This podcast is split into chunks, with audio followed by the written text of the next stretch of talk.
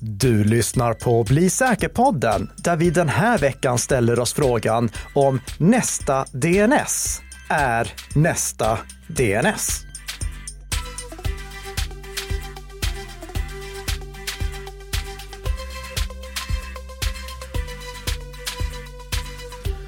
Och det är det nog ganska så säkert att det är. Lika säkert som vi är på väg in i våren här. För idag när ni lyssnar så är det den 28 april. Men avsnittet är inspelat den 27 april. Och vi som spelar in det är som vanligt Peter och Nicka. Och vi spelar in det här i ett ekonomiskt oberoende samarbete mellan Nicka Systems och Bredband2. Innan vi pratar om DNS här så ska vi prata om lite uppföljning. Mm. Och jag vet första avsnittet jag var med i. Då pratade vi om att Elon Musk hade då köpt Twitter och eh, redan då började prata om att den här verifieringssymbolen ja. kallar vi den va? Den här blåa. Eller Twitter kallar den det i alla fall. Ja. Eh, den, den skulle bli något urvattnad förutspådde du. Nämligen då att eh, man skulle kunna få köpa den istället för att, att liksom verifiera att du är du. Mm. Jag var lite mer positiv, du var lite mer negativ. Nu har vi en uppföljning runt detta. Ja, för det här har faktiskt varit en ännu större fadäs än vad jag hade räknat med. För jag hade ju bara räknat med att bedragare skulle dra nytta av faktumet att symbolen som överallt annars betyder att kontot är verifierat och som på Twitter kallas verifierat fast det inte är kopplat till någon typ av verifikation av identiteten. Eh, Twitter har ju introducerat nya symboler för det som de använder för att indikera att profilen har blivit identitetsverifierad. Men den blå symbolen som överallt annars betyder att det är en, eh, ett identitetsverifierat konto. Det är ju nu bara en symbol på Twitter som betyder att användaren har av någon anledning valt att betala för att få den där blå pluppen, det där blå klistermärket. Så bedragare, de har precis som vi förutspådde börjat eh, köpa den för att få mer trovärdighet i sina bedrägerier. Men det som jag inte hade förutspått, det var att nu har den där blå pluppen fått precis rakt motsatt effekt av vad den hade tidigare. Alltså tidigare så var den ju ett tecken på att du var en riktig kändis. Det, det, var någonting som du ville ha. Nu är det ju folk som inte vill ha den överhuvudtaget för att det ser pinsamt ut att ha den. Så Twitter har till och med börjat ge ut den där Eh, symbolen till konton som inte har betalat för det. Jag såg till exempel att författaren Stephen King och amerikanska MIT, de har båda meddelat att visst, vi har den där blå symbolen nu, men vi har inte valt att medvetet prenumerera på Twitter Blue. Tänk om Twitter hade sagt det. Alla kan få den här verifieringssymbolen genom verifiering. Ja. Verifiering kostar. Det kostar ganska mycket. Därför så får ni betala 500 kronor eller 499 dollar mm. eller vad det nu kan vara. Där tror jag att man både hade löst ett väldigt stort problem och fått en rejäl inkomst. Ja, precis. Och eh, det är eh, dessutom det som Facebook jobbar med. De kommer ju gå på det spåret. Sen har vi en annan snabb uppföljning till också. Ylva Johansson var med i SVT eh, Aktuellt i måndags. Då berättade hon lite om eh, förslaget som i eh, folkmun kallas Chat Control 2.0. Det var som vanligt väldigt mycket felaktigheter och vi har skrivit en artikel om de felaktigheter som Ylva Johansson förde fram då. Och från SVT till TV4. Eh, jag och TV4 gjorde ju en granskning av de här eh, bedrägeriannonserna som syftade till att locka till investeringar som florerade på Facebook. Nu har vi upptäckt ett omfattande problem med att bedragare lyckas ändra så att måldomänen som visas i själva annonsen är aftonbladet.se eller dn.se eller tv4.se fast annonserna inte går dit.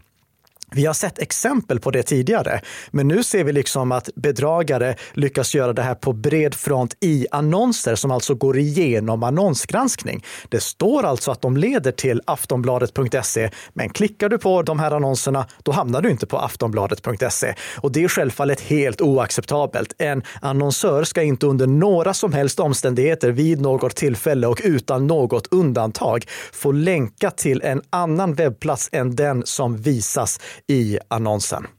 Det inslaget finns på TV4s webbplats så ni kan kolla på det efter att vi har gått igenom veckans snabbisar och svarat på veckans huvudämnesfråga. Och vi länkar väl i beskrivningen då, för jag hade lite svårt att hitta det där när jag googlade på Kalla fakta och så. Ja, det, och det var för att uppföljningen gjorde vi inte i Kalla fakta, utan det gjorde vi i ekonominyheterna av allting. Det förklarar ja. så mycket. Vi, eh, vi, vi rörde ju lite Silicon Valley här, men vi, vi, vi tar flyget från Kastrup, flyger över till, till eh, Mountain View. Mountain View, ja. Mm. För där har Google nu uppgraderat sin Google Authenticator-tjänst. Man eh, gav ju... Eller appen där. Appen, ja. ja. Mm. Är det inte eh, app, app och tjänster? Allt är tjänster. Jag, jag, jag, tänker det är ändå någonting som körs lokalt. Men det blir lite mer en tjänst nu av den här senaste uppdateringen. Ah, så okay, det har du rätt okay, i. Ja. ja. Eh, I vilket fall som helst, så man började ju stödja export då 2020 redan. Exakt. Men det är ju synkronisering vi ville ha mellan våra enheter. Och det detta har nu kommit, inte utan att Karin Melnicka minsann har funnit några problem med detta. Nej. Jag eh, blev ju väldigt glad när de eh, släppte den här nyheten att det äntligen fanns stöd för synkronisering. För det stora problemet med Google Authenticator, som troligtvis är den populäraste Authenticator-appen för tvåfaktorsautentisering, det har ju varit att om användaren inte själv säkerhetskopierar sina tvåfaktorsautentiseringshemligheter, vilket ingen normal person gör, då blir användaren utelåst om han eller hon tappar bort sin mobiltelefon. Det är därför, det är ett av huvudskälen till att vi har rekommenderat Authy så många gånger, för att Authy säkerhetskopierar tvåfaktorsautentiseringshemligheterna åt användaren. Men nu i veckan, då kom alltså en ny version av Google Authenticator med en ny ikon till och med. Ja, mycket snyggt där. De uppdaterade den så att den ser lite mer Google-aktig ut och jag fick photoshoppa in den i en bild så att det skulle se rätt ut. Och eh, där la de då till stöd för eh, eh, säkerhetskopiering och de gjorde inte som Microsoft. Microsoft de har ju med sin Microsoft Authenticator app stöd för säkerhetskopiering. Men på iOS så säkerhetskopieras det till iCloud medan det på Android säkerhetskopieras till Microsofts molntjänst. Så du kan inte använda, du, du, du kan inte migrera från iPhone till Android eller från Android till iPhone.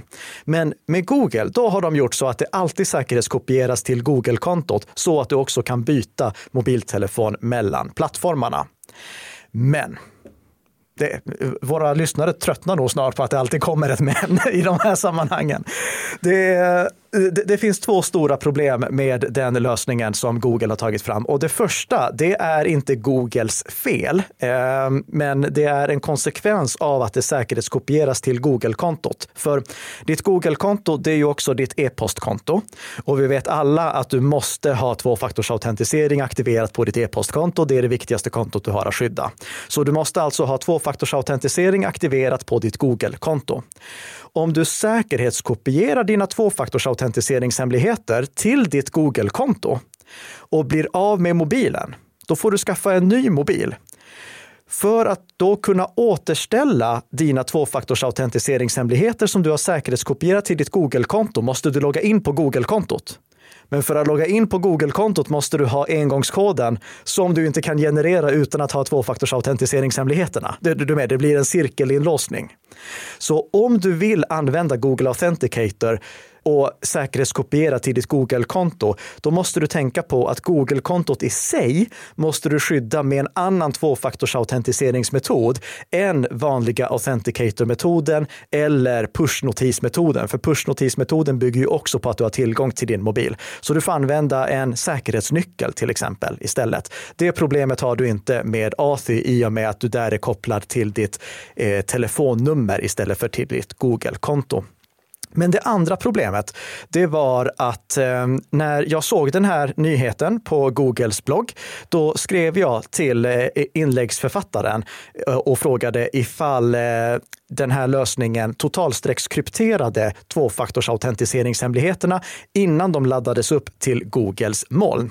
Han svarade inte, men däremot så tog säkerhetsduon Mysk, som vi har berömt vid flera tillfällen tidigare, och inspekterade trafiken. Och de konstaterade att nej, tvåfaktorsautentiseringshemligheterna är inte totalstreckskrypterade, vilket Twilio Authy erbjuder.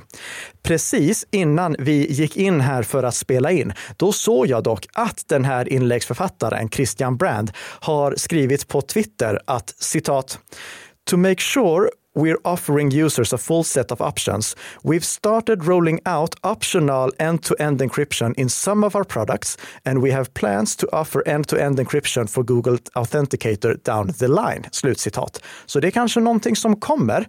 Det är inte någonting som kommer lösa det första inlåsningscirkelproblematiken, men om vi åtminstone får totalstreckskryptering så är det ett plus. Men fram till dess och troligtvis framöver så ser jag fortfarande inget skäl att välja Google Authenticator istället för Authy. Tack för det. Vi går vidare och pratar om en eh, mycket grov, skulle jag säga, personuppgiftsincident. Är alla personuppgiftsincidenter grova, slår ju mig då. Ja, kanske inte alla. Att en IP-adress läcker till ett amerikanskt bolag, det är väl inte speciellt allvarligt. Nej, Nej. Right. Men nu pratar vi om allvarliga nu saker. Nu pratar vi faktiskt om ja. allvarliga saker, för nu involverar det barn. Ja. För eh, Sveriges Radio, eh, Ekot, rapporterar om att antimobbningsorganisationen Friends, de har gjort den apoteket. Det vill säga skickat personuppgifter till sociala medier. Den här gången så var det då inte till Facebook utan till TikTok. Det rör sig om 3700 personer som fyllt i ett formulär på Friends eh, webbsida för att eh, få mer information eller skicka en fråga. Det rör sig framförallt om vuxna, men det handlar också om 11 barn som sökt rådgivning, varav 7 är under 13 år. Syftet att överhuvudtaget skicka information till TikTok då via motsvarande liksom Facebook Pixel, mm. det heter kanske till och med Pixel för TikTok, är då att eh, nå människor på TikTok som har besökt webbsidan. Men det var naturligtvis inte meningen att skicka vidare personuppgifter såsom e-postadresser och annat. Dock själva meddelandet, det har inte skickats vidare så det har stannat hos Friends.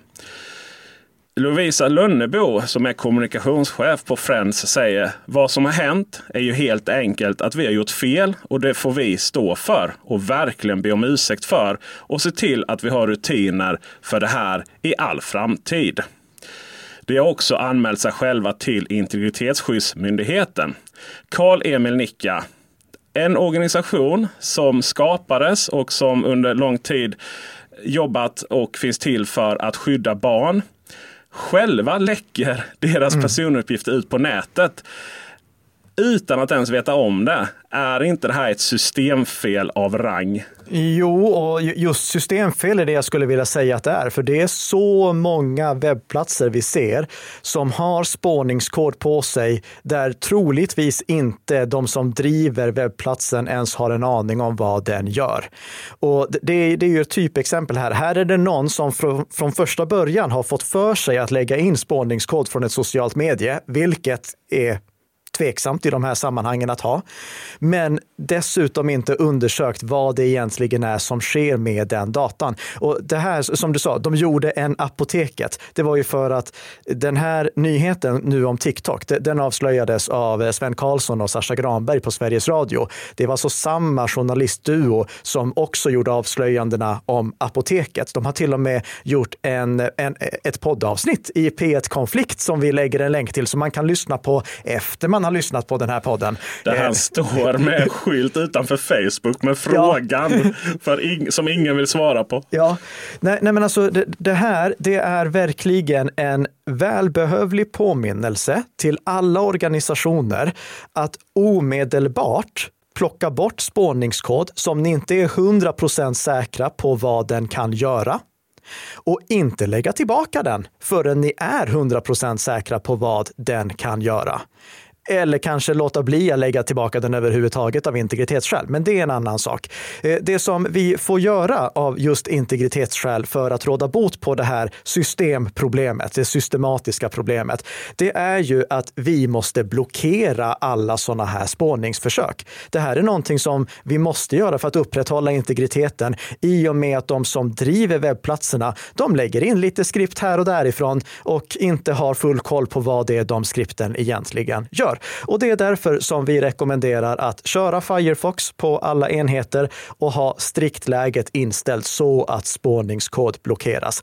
Och eh, om det är på datorn eller på en Android-mobil, då kan ni också komplettera med uBlock Origin för att blockera ännu fler spårningsförsök och till och med dölja de här irriterande pop-up-frågorna på väldigt många webbplatser. Tack för de rekommendationerna. Vi går vidare till en vansidessårbarhet. Ja. Det är ett svårt ord. Jag tänker van, det låter lite som någon av dina gangsterrapgrupper som du lyssnar på i bilen och sjunger aggressivt. Men jag råkar veta att vanporten på en, en router, det är ju inkommande eh, internet va? Precis, precis. Vanporten på routern, Wide Area Network, det är dit du kopplar internet på din router. Och nu har Zero Day Initiative rapporterat om en vansidessårbarhet i en TP-Link-router. En TP-Link-router som heter Archer AX21. Eh, grannmodellerna till den säljs i Sverige. Jag vet inte om de är påverkade eller inte, för dokumentationen från TP-Link är väldigt bristfällig, vilket jag återkommer till alldeles strax. Men det de har upptäckt det är alltså att det finns en sårbarhet som går att utnyttja från vansidan, från internetsidan. Vi har ju ofta pratat om problem med sårbarhet i routrar och då har det oftast varit sårbarheter som har varit möjliga att utnyttja om antingen fjärradministration har varit påslaget i routern eller ifall attacken skedde från insidan, från LAN-sidan, från Local Area Network-sidan, från det lokala nätverket. Någon satt med en dator där helt enkelt. Ja, eller att du får din dator infekterad och din dator infekterar routern sen mm. eh, på, på det sättet. Eh, men det förutsätter ju att det finns en infektion eller en angripare i det lokala nätverket. Med en vansides sårbarhet, då är det alltså öppet för vem som helst på hela internet att attackera. Och som vi har eh, pratat om många gånger tidigare så är ett stort problem med internetexponerade prylar som inte underhålls på ett korrekt sätt, att de infekteras och blir del av botnät. Eh, alltså eh, ett nätverk av infekterade produkter som angripare sen kan sälja för att utföra överbelastningsattacker mot olika måltavlor. TP-Link de patchade den här sårbarheten den 17 mars.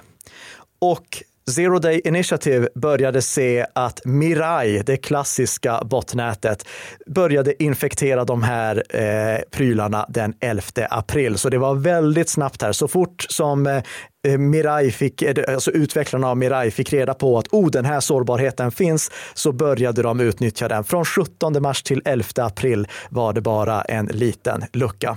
Så de är snabba på att eh, börja dra nytta av sårbara prylar som är exponerade mot internet. Fördelen med att ha en router hemma och ha allting bakom den, det är ju att prylarna inte är direkt exponerade mot internet så att de blir mycket, mycket svårare att faktiskt attackera.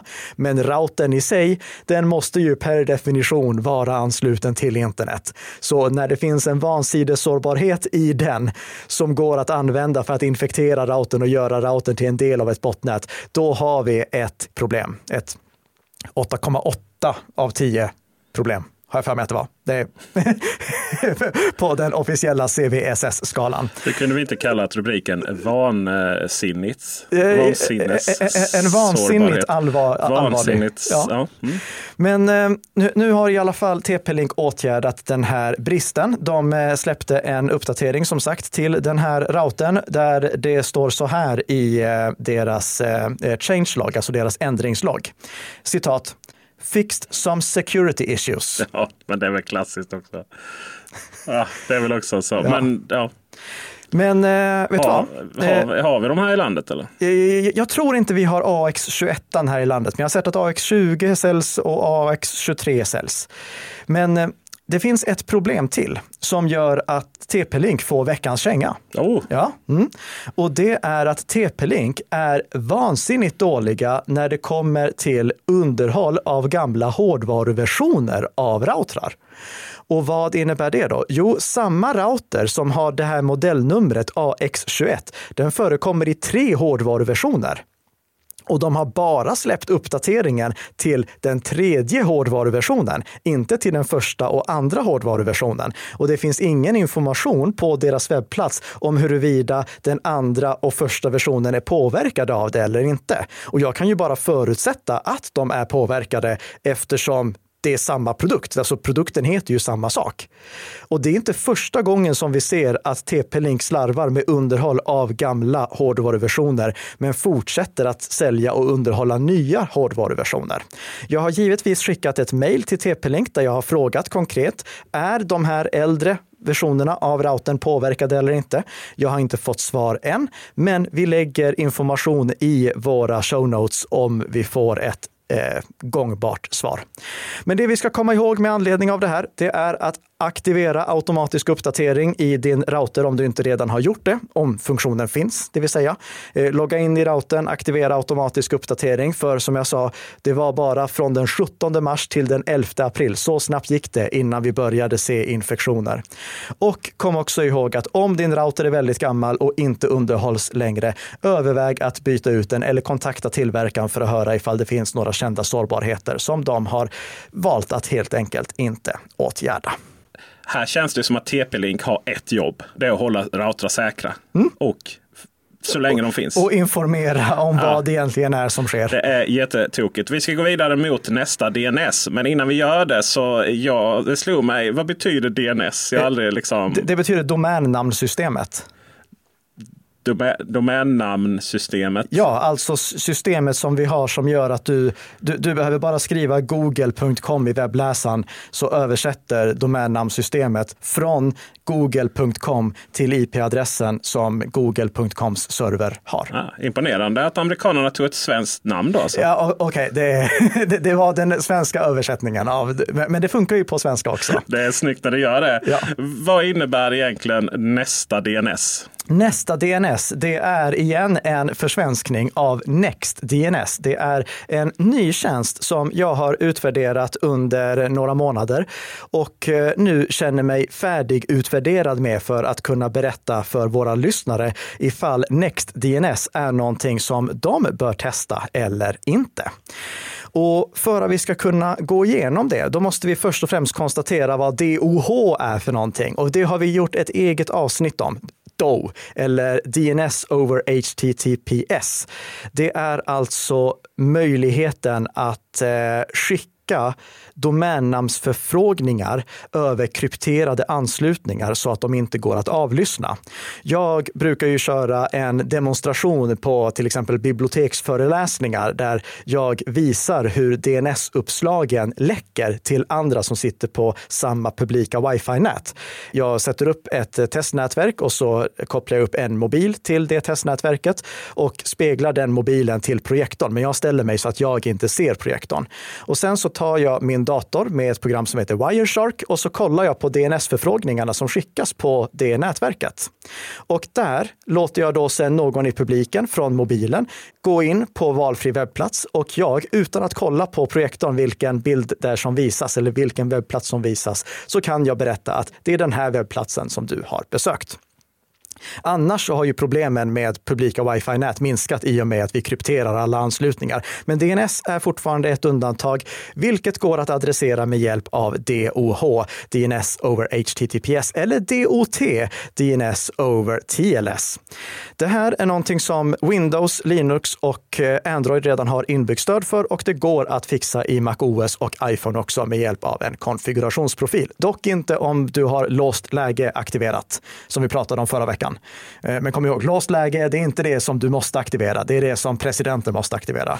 Det avancerat dataskydd, det är det som du bör aktivera. Det är det om man, eh, om man måste stryka under att man är en eh, very important person. Ja, precis. Jag är en sån som borde ha fått den gamla Twitter-verifieringssymbolen. ja. ja. Men det finns faktiskt en riktigt smart sak till med just DOH och DOT och det är det som NextDNS har byggt upp en tjänst kring. De har nämligen gjort det möjligt för användare, vanliga privatpersoner och småföretag att bygga sin egen filtrerade DNS-tjänst. För om du har en filtrerad DNS-tjänst, så som vi har pratat om med DNS-skydd som skyddar mot webbplatser som sprider skadeprogram genom att helt enkelt plocka bort de skadeprogramspridande domänerna ur DNS-katalogen. Så att om en besökare vill gå dit, då finns det ingen webbplats eller webbserver att ansluta till. Det finns ingen motsvarande IP-adress det är någonting som redan finns, men det har inte varit så konfigurerbart för privatpersoner och för mindre företag. Men NextDNS gör det nu tillgängligt för alla. För istället för att du bara skriver in IP-adressen som tillhör din DNS-server, eh, den DNS-server som du skickar dina DNS-förfrågningar till, så skriver du in en profilunik adress till din DOH-server. Det blir en adress som bara du använder i ditt hemnätverk eller du använder i din organisation. Och det gör att du sen bara för de datorer, mobiltelefoner och uppkopplade prylar som berörs av just den konfigurationen kan filtrera ut det du vill. Så du kan till exempel välja att alla mina datorer, de ska skyddas mot skadlig kod. Eh, det är ganska troligt att du vill det. Du vill kanske aktivera phishing-skydd också, alltså nätfiskeskydd, så att om eh, någon försöker ansluta till en eh, domän som är känd för att sprida nätfiskeattacker, då blockeras anslutningen dit, eller möjliggörs inte ens.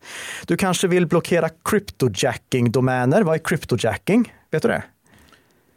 Uh, uh, ja, men jag kan inte svara på på rak arm. Nej, det är alltså att eh, du går till en webbplats och så börjar eh, webbplatsägaren utvinna kryptovaluta med hjälp av din dator, bara i webbläsaren. Du eh, kan också skydda dig mot det vi kallar IDN-homografattacker. Eh, och IDN-homografattacker har vi faktiskt pratat om. Det är alltså när en angripare registrerar en domän som påminner om en domän du har sett, men där en bokstav ur vårt latinska alfabet är utbytt mot en bokstav ur ett annat alfabet. Så att det blir svårt att se för oss människor att det är en falsk domän, att det inte är den riktiga. Men det kan eh, NextDNS skydda mot. Det kan även skydda mot typo squatting attacker och det är till exempel att eh, du skulle gå till Office med ett eh, Office.com med ett F istället för med två F. Och en riktigt smart sak som jag inte ens hade tänkt på. Du kan välja att aktivera att en domän som inte har varit registrerad i mer än 30 dagar, alltså en domän som har varit registrerad i mindre än 30 dagar, den ska inte finnas med. Och, och, det är ganska smart, för om det är en helt ny webbplats, helt ny domän, då är det ganska osannolikt att du som besökare vill gå dit. Det, alltså det, det, det finns ju liksom inte något innehåll där än. Men det är precis den typen av domäner som används för att sprida skadeprogram och phishing-attacker. Det skapas ju hela tiden nya domäner i och med att de gamla domänerna fastnar i de här eh, eh, DNS-filtren för kända skadliga domäner och kända nätfiskedomäner. Du kan även välja att eh, blockera trackers av integritetsskäl och så finns det någon typ av AI-lösning också som jag inte har brytt mig om att kolla på. Det finns även föräldrakontrollsfunktioner. Du kan lägga till egna blockeringsregler och egna tillåtningsregler. Det är otroligt anpassningsbart får jag säga. Och det här gör att du själv kan bygga din egen filtrerade DNS-lösning utan att du behöver ha någon egen hårdvara. För att använda den här lösningen så måste du antingen lägga in den här DOH-adressen eller DOT-adressen i dina enheter som du ska ansluta, som du vill ska dra nytta av den här filtreringen. Eller så kan du välja att länka hela ditt hemnätverk till just den profilen. Och det gör du genom att knyta din publika IP-adress. Ditt nätverk, din router, den har ju en publik IP-adress. Och den publika IP-adressen kan du då knyta till din specifika profil. Och då kommer all trafik från ditt lokala hemnätverk att påverkas av de filtreringsregler som du sätter upp. Det här går även att lösa med det vi kallar dynamisk DNS. Många av er som eh, eh, har satt upp en NAS hemma, en nätverkslagringsserver, eh, eller satt upp en spelserver för den delen och inte har en statisk IP-adress utan en IP-adress som kan förändras med tiden. Ni har säkert använt dynamisk DNS någon gång. Det är alltså funktionen som gör att du får din router, oftast router, det kan vara en dator också, men eh, din router att automatiskt uppdatera ett domännamn så att du kan använda det för att alltid hitta till ditt lokala nätverk. NoIP till exempel, noip.com är en känd dynamisk DNS-tjänst. Dyn.com eller dyn. Jo, dyn.com var också jättestor en gång i tiden, men sen började de ta betalt för det och då eh, var det inte lika många som ville använda det. Och apropå att ta betalt, den här tjänsten är inte gratis. Där kom någonting viktigt. Den här tjänsten är inte gratis. Du får 30, förlåt, 300 000 förfrågningar per månad utan att betala. Det låter väldigt mycket, men det är pyttelite. eh, det, det, räcker en eller två dagar. Det, sen, för vem? Eh, för mig. Ja. ja. Och, och, jag är bara en användare. Mm. Eh, så ehm, det, det, det, räcker inte speciellt långt. Eh, men Kostnaden är inte hög. Det kostar bara 25 kronor i månaden eller 250 kronor per år för att få den här tjänsten. Och det är alltså inte så, för det, det ska jag lägga till, det är inte så att om du går över gratisbegränsningen eh, att du plötsligt inte kan ansluta till internet. Det, om du går över gratisbegränsningen och inte betalar, då fungerar NextDNS som vilken DNS-tjänst som helst, bara utan dina unika filter. Kostnaden för små och medelstora företag, den är lite högre. Där betalar man per 50 användare. De har inte någon lösning för stora företag, alltså typ eh, eh företag som skulle vilja använda Umbrella, Cisco Umbrella. Och för transparensens skull, Bredband2 säljer tjänsten Umbrella eh, som vi har pratat om tidigare, men det är inte den vi fokuserar på nu. Men NextDNS har inte de centralmanageringsfunktioner som krävs för stora organisationer. Så det, det, det är inte riktigt samma målgrupp som de vänder sig till. Men det här det är alltså någonting som gör att du som privatperson eller eh, liten företagare kan bygga upp din egen DNS-tjänst eh, med dina egna regler till en rimlig kostnad. Det ligger självfallet en länk i våra show notes till NextDNS och eftersom NextDNS har ett affiliate-program där man kan få, jag tror det är 30 procent i kommission per förmedlad eh, användare, så vill jag poängtera att länken som ligger i våra show notes är inte inte en affiliate-länk. Det är inte någonting som vi tjänar pengar på att eh, tipsa om, utan det här är precis som vanligt en helt oberoende rekommendation. Men det är inte så att det här är en rekommendation som når hela vägen upp till att jag skulle vilja ha med den på listan över rekommenderade tjänster för alla att använda.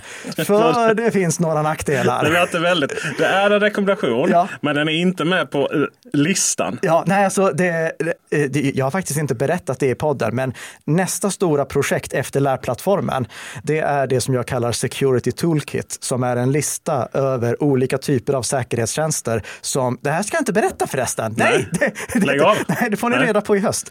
Så eh, vad är det då som är för nackdelar? Jo, för det första, det är ett amerikanskt bolag. Det måste man vara medveten om. De har möjlighet att lagra data åt dig i EU eller Schweiz om du väljer det. Men det är fortfarande ett amerikanskt bolag, vilket gör att de lyder under amerikansk spionlagstiftning lagstiftning, eh, förlåt, övervakningslagstiftning. Det finns inte heller någon tredjepartsgranskning gjord än, eh, vilket givetvis är ett klart minus. Och sen kostnaden. Att det här kostar faktiskt 25 kronor i månaden eller 250 kronor per år. Och den stora risken för infektion och nätfiskeattacker, alltså det vi vill skydda oss mot mest, det är ju någonting som påverkar våra datorer. Och på våra datorer, där har vi ju redan från början våra surfskydd i eh, webbläsaren. Så det här är inte någonting som alla behöver. Det här är någonting som några kanske vill ha som ett extra skydd och för att också få det till att omfatta andra enheter. Men jag kan ju tänka mig att om man inte vill lägga extra mycket pengar på integritetsfunktioner och säkerhetsfunktioner, då är nog inte det här de 25 kronorna i månaden som man helst slänger ut. Så det har en liten nackdel. Och, och, kom ihåg, det finns alternativ. Det finns alternativ som är helt gratis. Till exempel Quad9 som vi har pratat om tidigare, ett schweiziskt företag. De blockerar också skadeprogram. Så eh, om man väljer deras tjänst, vilken stödjer DOH också, då får man den här skadeprogramsfiltreringen. Men de har inte den här anpassningsmöjligheten. Det, det, är ju anpassningsmöjligheten som är det speciella med just eh, eh Next NextDNS. Mullvad, de har en egen sån här lösning också. Den blockerar spårning. Den blockerar inte skadeprogram, utan det, den är fokuserad på spårning istället. Eh, den har däremot tredjepartsgranskning, vilket då eh, både eh, Quad9 och NextDNS saknar. Men igen, ingen anpassningsmöjlighet. Men både Quad9 och Mullvad har gratis DNS-tjänster som är DOH-kompatibla. Antingen för att filtrera bort skadeprogram eller för att filtrera bort annonser. Eller för att inte filtrera bort någonting överhuvudtaget, utan bara använda det precis som en vanlig DNS-tjänst. Så det här, NextDNS, är det nästa DNS? Det är en häftig tjänst. Det är det. Men eh, jag skulle inte säga att det är liksom det som alla ska byta till direkt. Men ni kanske vill prova det. Det, det skadar inte att testa. Det kan vara kul att utvärdera om inte annat. Och det verkar vara väldigt välbyggt. Det har fungerat klockrent för mig under de månader som jag har kört det. Men eh, jag skulle inte säga att alla ska direkt springa och byta sin DNS-tjänst till NextDNS. Därav är avsnittsnamnet den här veckan Mot nästa DNS. För vi pratar om nya fantastiska verktyg som vi kan göra, alltså möjligheter som DNS har. Även om kanske inte just NextDNS är nästa DNS. Men det finns någonting som alla borde göra dock. Ja, och det är också någonting som har med nästa att göra och det är nästa vecka. Ja, för då kommer ett nytt avsnitt av Bli säker-podden som man kan lyssna på. För då blir man nämligen lite säkrare för varenda vecka som går. Och till skillnad från NextDNS så kostar det ingenting. Så passa på att eh, prenumerera på podden, tipsa jättegärna även så blir vi superglada och givetvis stort tack för att ni har lyssnat den här veckan.